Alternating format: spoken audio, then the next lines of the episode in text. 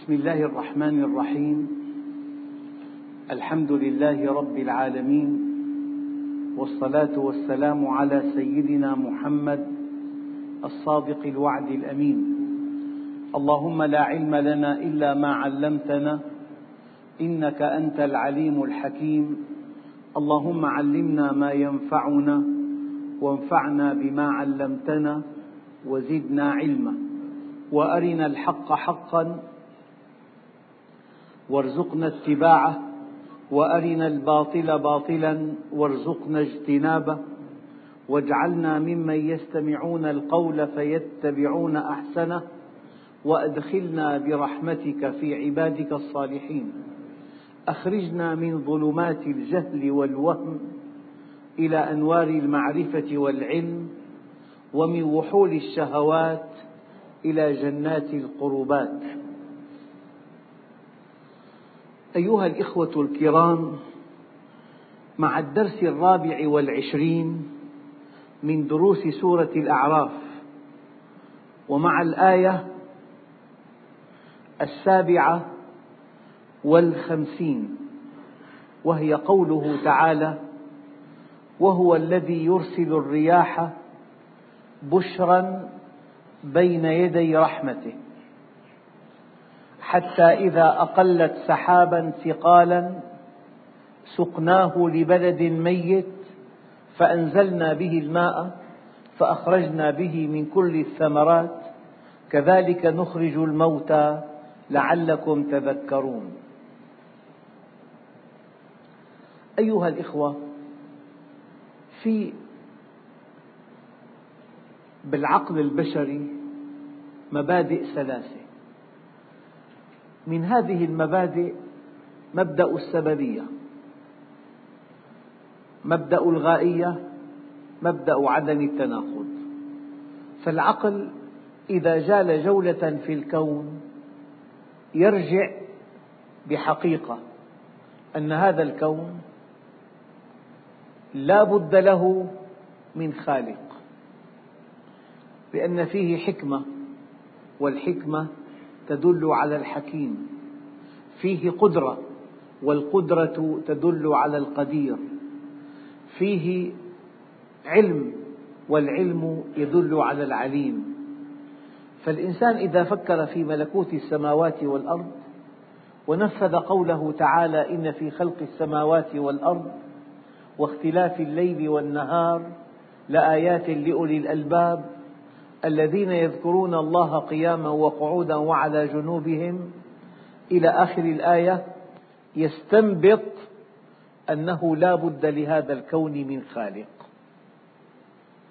من هو هذا الخالق؟ يأتي الجواب في القرآن الكريم الله الذي خلق السماوات والأرض أنت استنبطت ووصلت إلى أن لهذا الكون خالقا من هو الخالق؟ الجواب أتى في الكتاب فالكون والقرآن يتكاملان.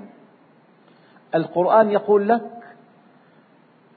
القوة التي حكمت أنها وراء هذا الكون القوة العليمة القوة الحكيمة القوة الرحيمة هي الله. الله الذي خلق السماوات والأرض. الآن وهو تعود على الله. والله هو الذي يرسل الرياح بشرا بين يدي رحمته. الآن وهو الذي وهو الذي وهو الذي مد الأرض وهو الذي خلقكم. الله الذي خلق السماوات والأرض وهو الذي يعني العقل وصل إلى حقيقة قطعية أنه لا بد لهذا الكون من خالق من خالق ومن مربي ومن مسير. من خلال هذا الكون يتضح أن الخالق قدير وعليم وحكيم ورحيم وقوي. تأتي الآية الكريمة هل عرفت من هذه القوة التي خلقت فأبدعت؟ إنها الله. وهو تعود على الله. على من؟ على الذات. وهو الذي يرسل الرياح. هذه الرياح يعني الهواء. والحقيقة أيها الإخوة أن هناك آيات كبيرة جدا. أحد أكبر هذه الآيات هي الهواء. الهواء إذا تحرك بسرعة تفوق المئة كيلومتر وقد تصل إلى ألف لا يبقي ولا يذر. والأعاصير. كيف أهلك الله عادا بريح صرصر عاتية سخرها عليهم سبع ليال وثمانية أيام حسوما في بعض البلاد سرعة الأعاصير تقترب من ألف. هذه السرعة تدمر كل شيء. هذا الهواء. فإذا كان متحركا حركة لطيفة كان من نعيم الدنيا. هو النسيم العليل. أحيانا تهب نسمات تبدل الهواء تجعله منعشا. تلطف الحرارة تجعلها مقبولة. فبين أن يكون النسيم العليل من نعم الله الكبرى الهواء الهواء إذا أسرع يدمر كل شيء. هذا الهواء له خصائص. أنت تمشي من خلاله ولا تحس به لكنه موجود. والدليل أنه موجود يحمل طائرة وزنها سابقا 350 طن. أركاب طائرة. الطائرة فيها 400 راكب طبقتان. فيها وقود 150 طن وقود. وزن 150 وزن الركاب مع حاجاتهم خمسون. من يحملها؟ الهواء. لطيف لطيف قوي قوي. الهواء وسيط. لولا الهواء لما سمعتم صوتي. الدليل رواد الفضاء على القمر. ليس, في ليس هناك هواء. يتحادثون باللاسلكي بيكون إلى جنبه بينه وبينه عشرة سنتي. ما في طريق. الحديث باللاسلكي فالهواء وسيط. بتحب تدفئ الغرفة تدفئ الهواء. بتحب تبرد الغرفة تبرد الهواء. الهواء شفاف وجوده لطيف.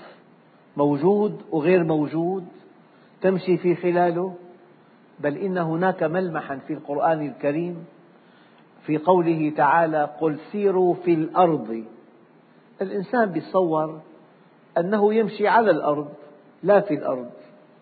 في الأرض يعني تحت الطاولة. أما على الطاولة هنا الإنسان يمشي بالسراديب لا. بالمناجم لا لا. يمشي على الأرض. ولكن لأن الهواء جزء من الأرض قال الله تعالى قل سيروا في الأرض. معنى جزء أي يدور معها خمسة وستين ألف كيلومتر سمك طبقة الهواء خمسة وستين ألف كيلومتر يدور معها. وقد يقول قائل لو لم يكن يدور معها لو بقي ثابتا وهي تدور. لكانت سرعة الرياح على وجه الأرض 1600 كيلومتر بالساعة. هذه السرعة لا تبقي على سطح الأرض شيئا. مستحيل أن يبقى بناء لأن سرعة الأرض في دورتها حول نفسها 1600 كيلومتر بالساعة. يعني قطرة محيطة أربعون ألف أسمع على 24 ساعة. أنت بتدور حول الأرض تدور حول نفسها دورة كل 24 ساعة. محيطة 40 ألف كيلومتر. معنى سرعتها وهي تدور حول الأرض 1600 كيلومتر بالساعة. لو أن الأرض تتحرك والهواء ثابت لدمر كل شيء. هل ينتبه الإنسان لهذه النعمة أن الهواء يدور مع الأرض؟ لو أنت أيام بيكون ما في رياح إطلاقا. تركب مركبة تسرع.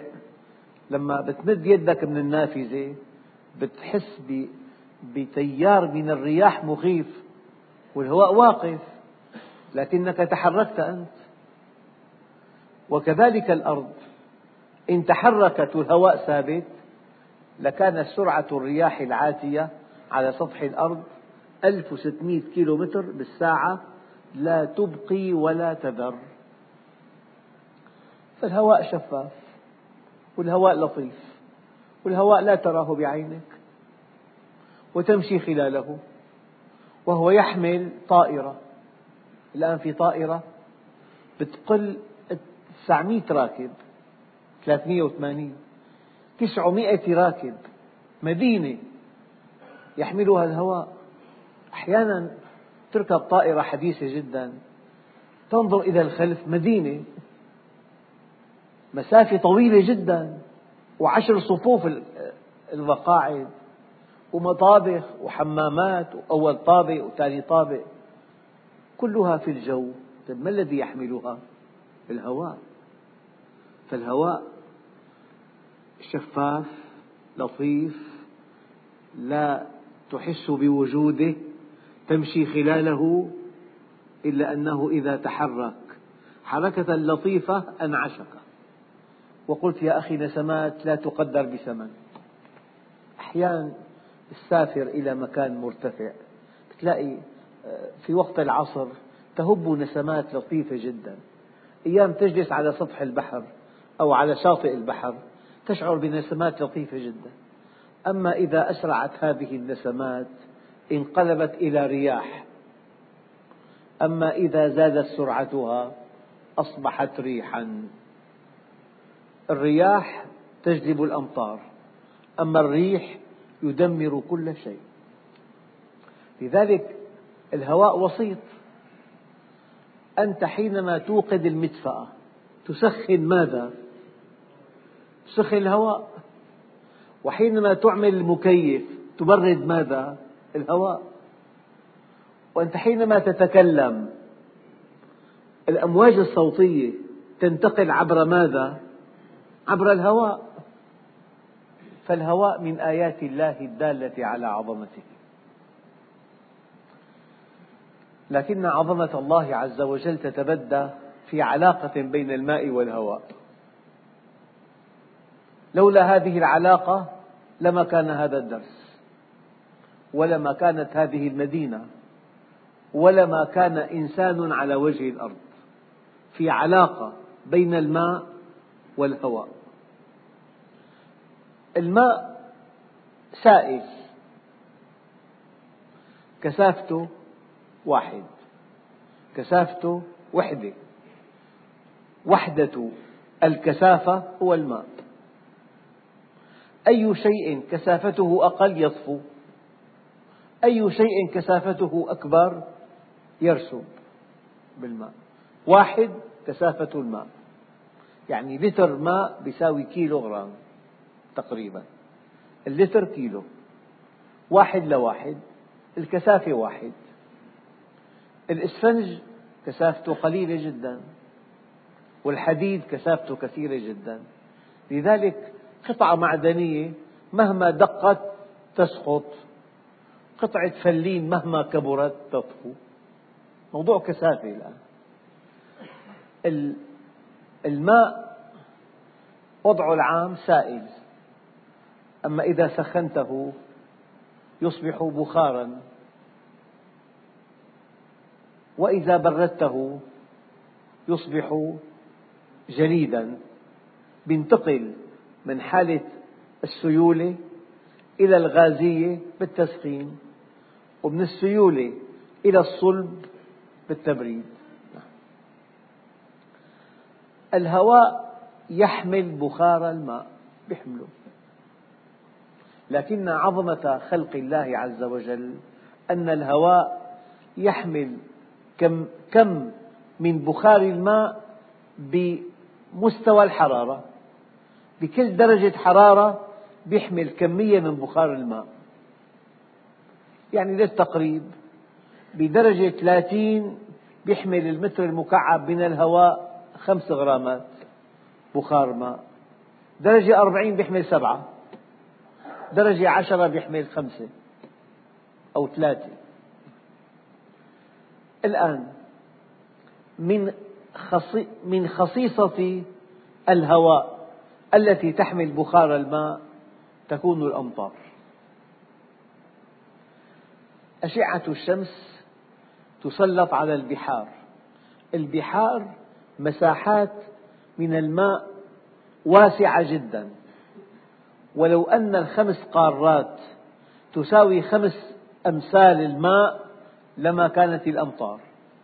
لحكمة أرادها الله خمس أربع أخماس الكرة محيطات والخمس قارات. ففي مسطح مائي كبير أشعة الشمس تسلط عليه. الماء يتبخر هذا البخار يحمله الهواء. صار في عندنا هواء يحمل بخار الماء. وهذا الهواء فيه بخار ماء الدليل في الآن موازين رطوبة. لك 29 رطوبة. 29 الهواء حامل بخار ماء لكنك لا تراه. لكن أحيانا يحمل 90 95 يصير سحاب. لما يكون كثافة بخار الماء عالية جدا تراه سحابا. إذا كان قليلة لا تراه. أما أي هواء حامل بخار ماء أبدا. أي هواء حامل بخار ماء. والدليل؟ ائتي بإبريق ماء بارد جدا تلاقي ذرات من الماء علقت على آه، جداره الخارجي. بخار الماء في الهواء لما جاءته البرودة تكثف فأصبح ماء غرفة حارة على البلور ترى طبقة من ذرات الماء الصغيرة. إذا كل هواء فيه بخار ماء. أما إذا زادت نسبته إلى درجة عالية جدا صار سحاب. الآن المتر المكعب من الهواء يحمل كذا غرام من الماء على شكل بخار ماء. هذا منطلق الدرس هذا البخار هذا الهواء يحمل بخار الماء. مكان حمله الحرارة أربعين. لو أن هذا الهواء المحمل ببخار الماء انتقل إلى مكان بارد النسبة هناك تختلف. المكان عشرة فالهواء بدرجة عشرة ما بيحمل إلا غرام واحد. في عنده أربع غرامات زيادة بيتخلى عنهم بصير مطر. الهواء بالمنطقة الحارة مثلا يحمل خمس غرامات بالمتر المكعب. لما يساق الهواء يساق السحاب إلى منطقة باردة الدرجة عشرة طبعا صار في اختلال بالنسبة. يجب أن يتخلى الماء أن يتخلى الهواء عن النسبة الزائدة. الآن دخلنا بالآية. الله عز وجل يقول وهو الذي يرسل الرياح. الرياح كيف تمشي؟ هلا الرياح ساكنة هنا. مع سكون الرياح بحس بضيق الإنسان. مع حركة الرياح بحس بنشاط. لماذا يحس بالضيق؟ هو يتنفس يعطي غاز الفحم وغاز الفحم غاز سام. لو أنه إنسان جلس تحت لحاف محكم بعد ساعة ممكن يفارق الحياة. أنه أخذ الأكسجين طرح غاز الفحم فصار الهواء تحت اللحاف كله غاز فحم لك داء نفسي لذلك تجديد الهواء مهم جدا. ونحن من فضل الله علينا في هذا المسجد صار في غير التكييف تبديل هواء في الحرم وفي الأقبية في تبديل هواء. لولا هذا التبديل لضاقت النفوس. ولو أنه مبرد هواء بارد مشبع بغاز الفحم تضيق النفس به. ادخل لصف أيام بالشتاء في ستين طالب بتحس بضيق.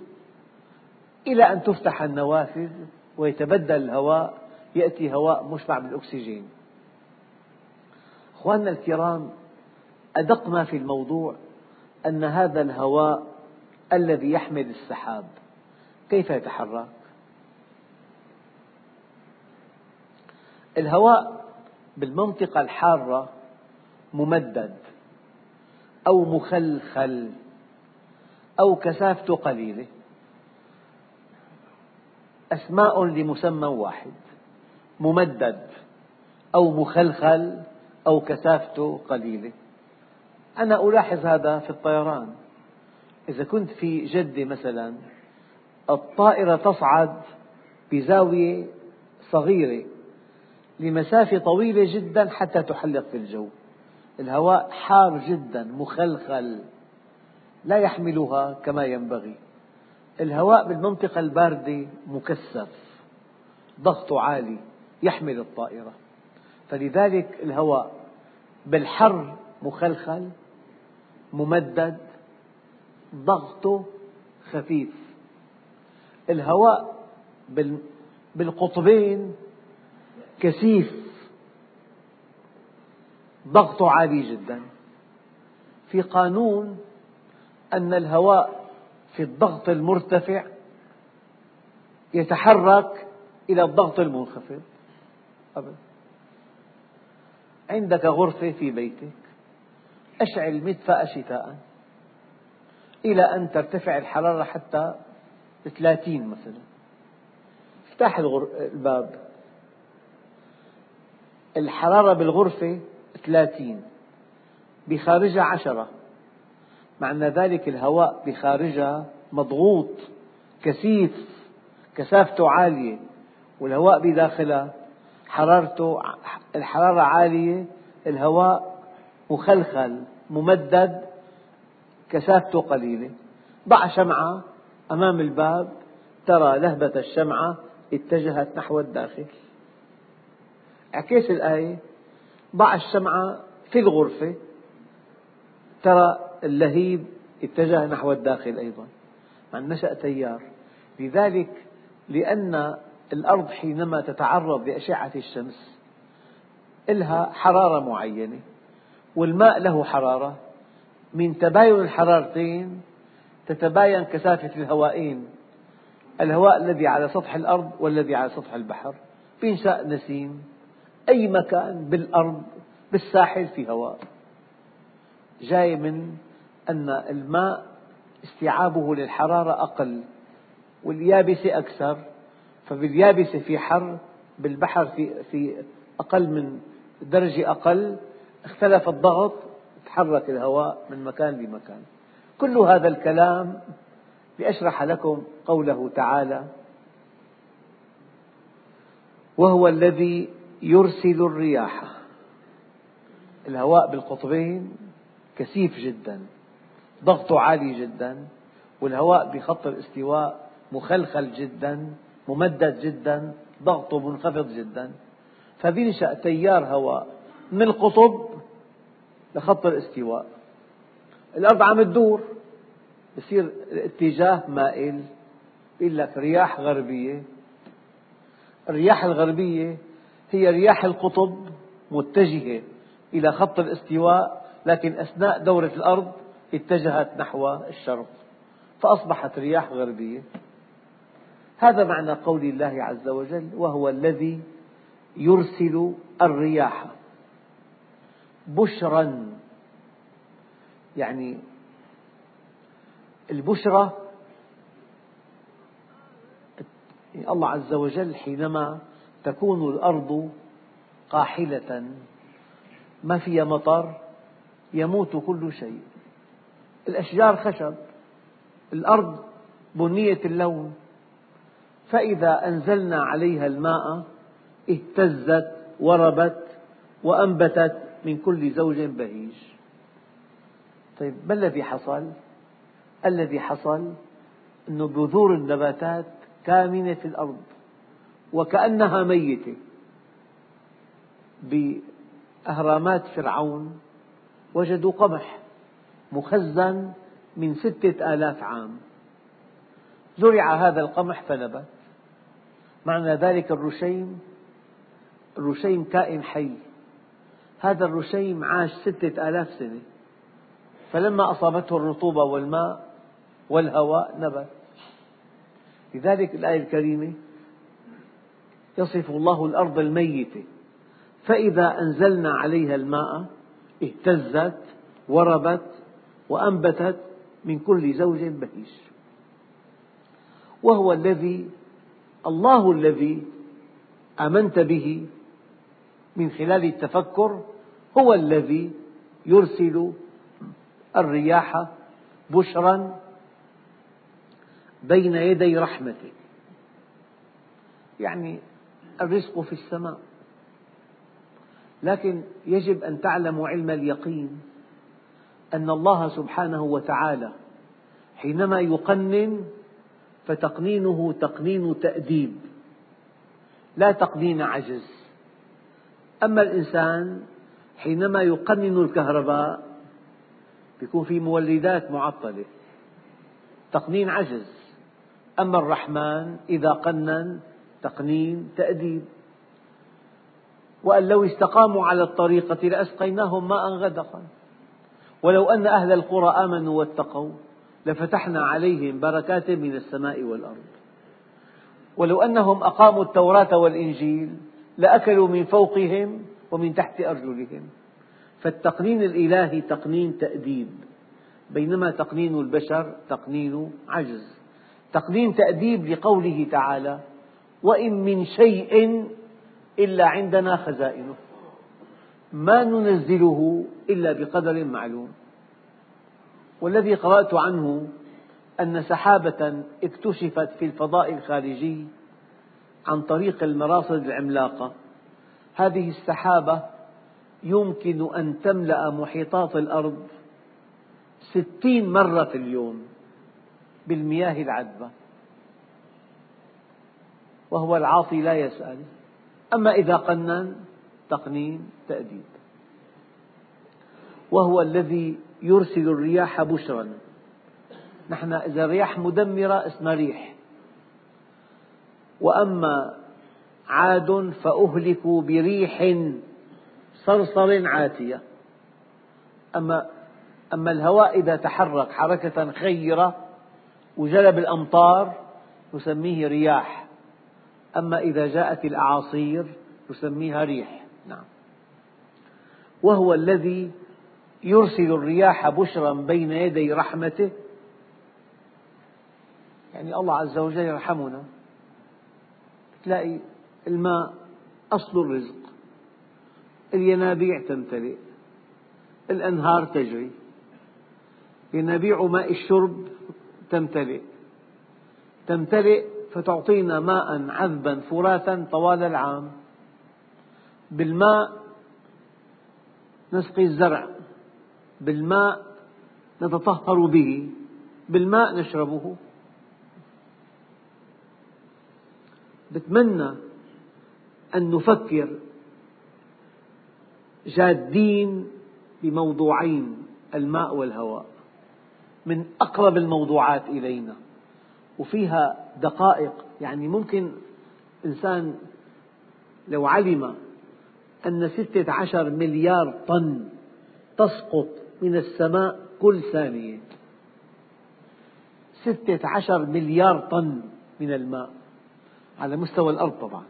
كل ثانية هذا عطاؤنا قال لو أخذنا ملح البحر جففنا ملح البحار وفرشناها على سطح اليابسة بالقارات الخمس بما فيها الجبال والوديان والصحارى لكان ارتفاع الملح 86 متر. بأي مكان بالأرض؟ ملح البحار إذا جمع من البحار وجفف وفرش على اليابسة على الخمس قارات لكان ارتفاعه 86 متر. فرحمته تقتضي إنزال المطر.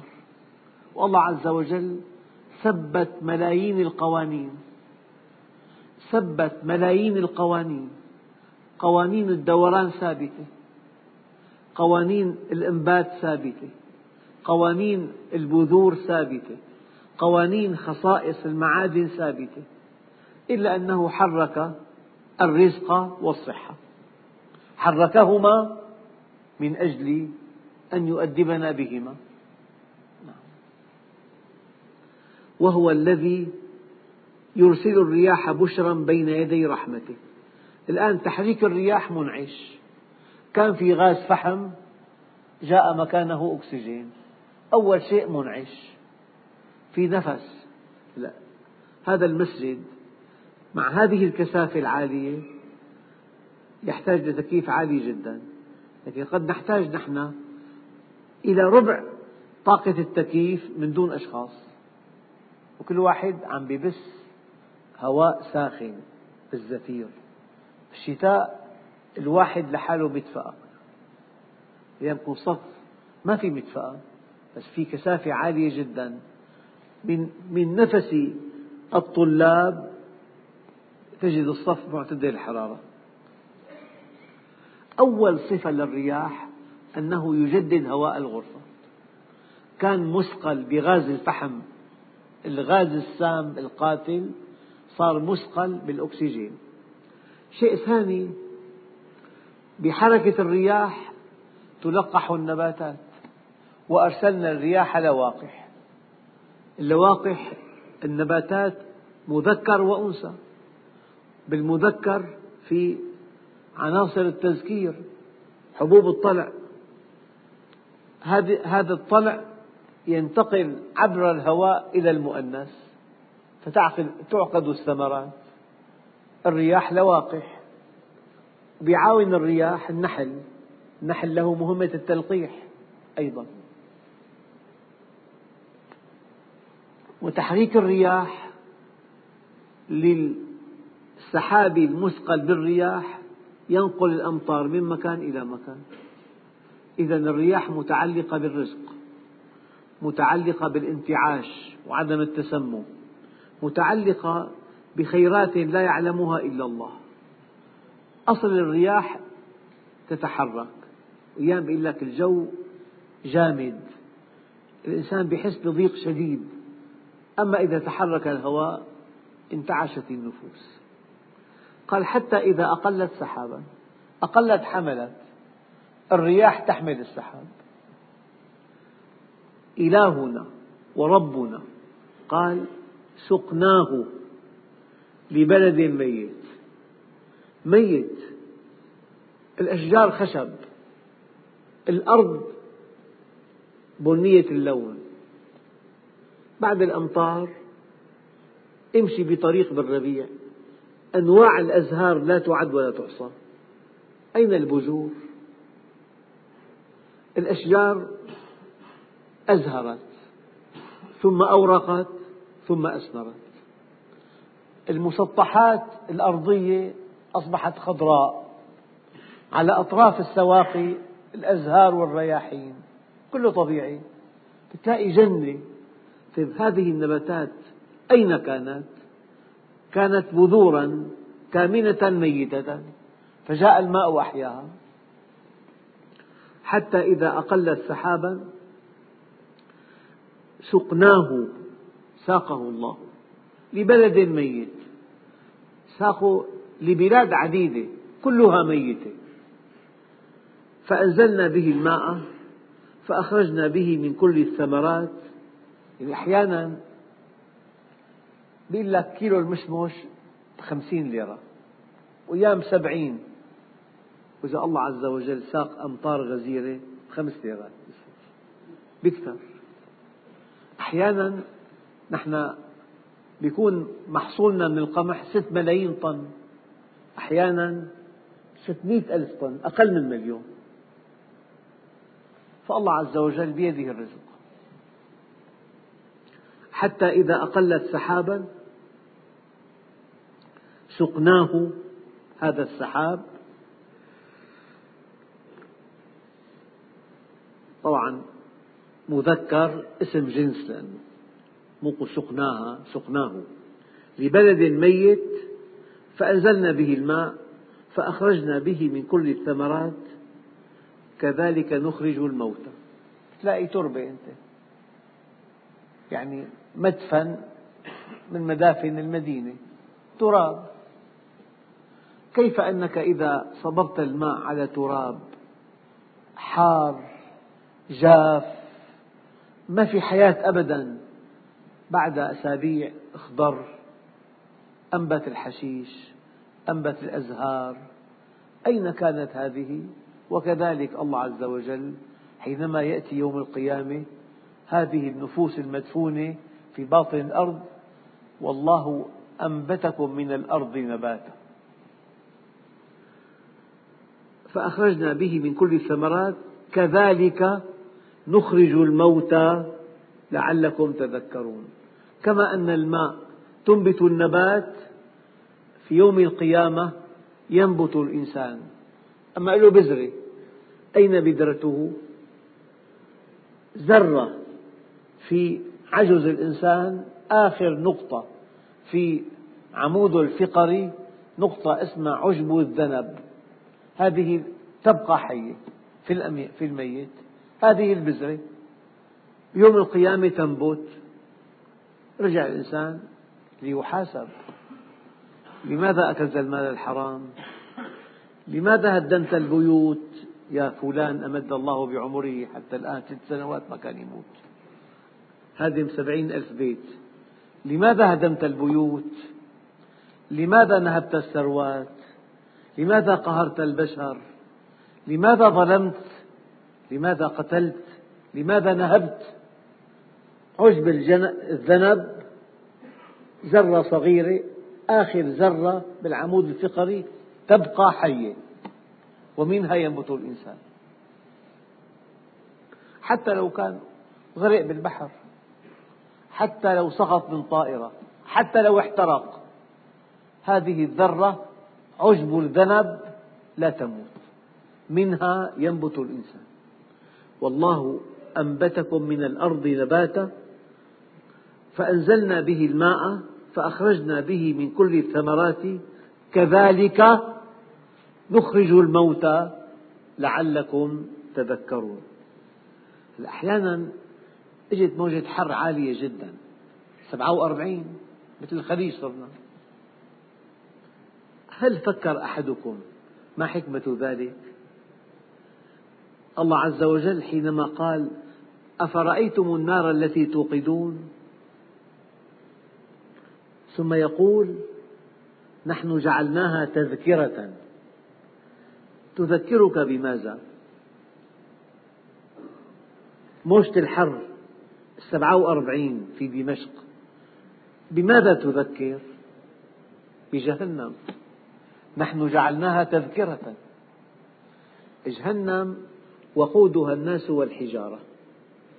يعني بعتقد بالبراكين ترون ببعض الصور سيل أسود هي صخور بازلت أقصى أنواع الصخور من شدة الحرارة ألفين درجة صار سائل.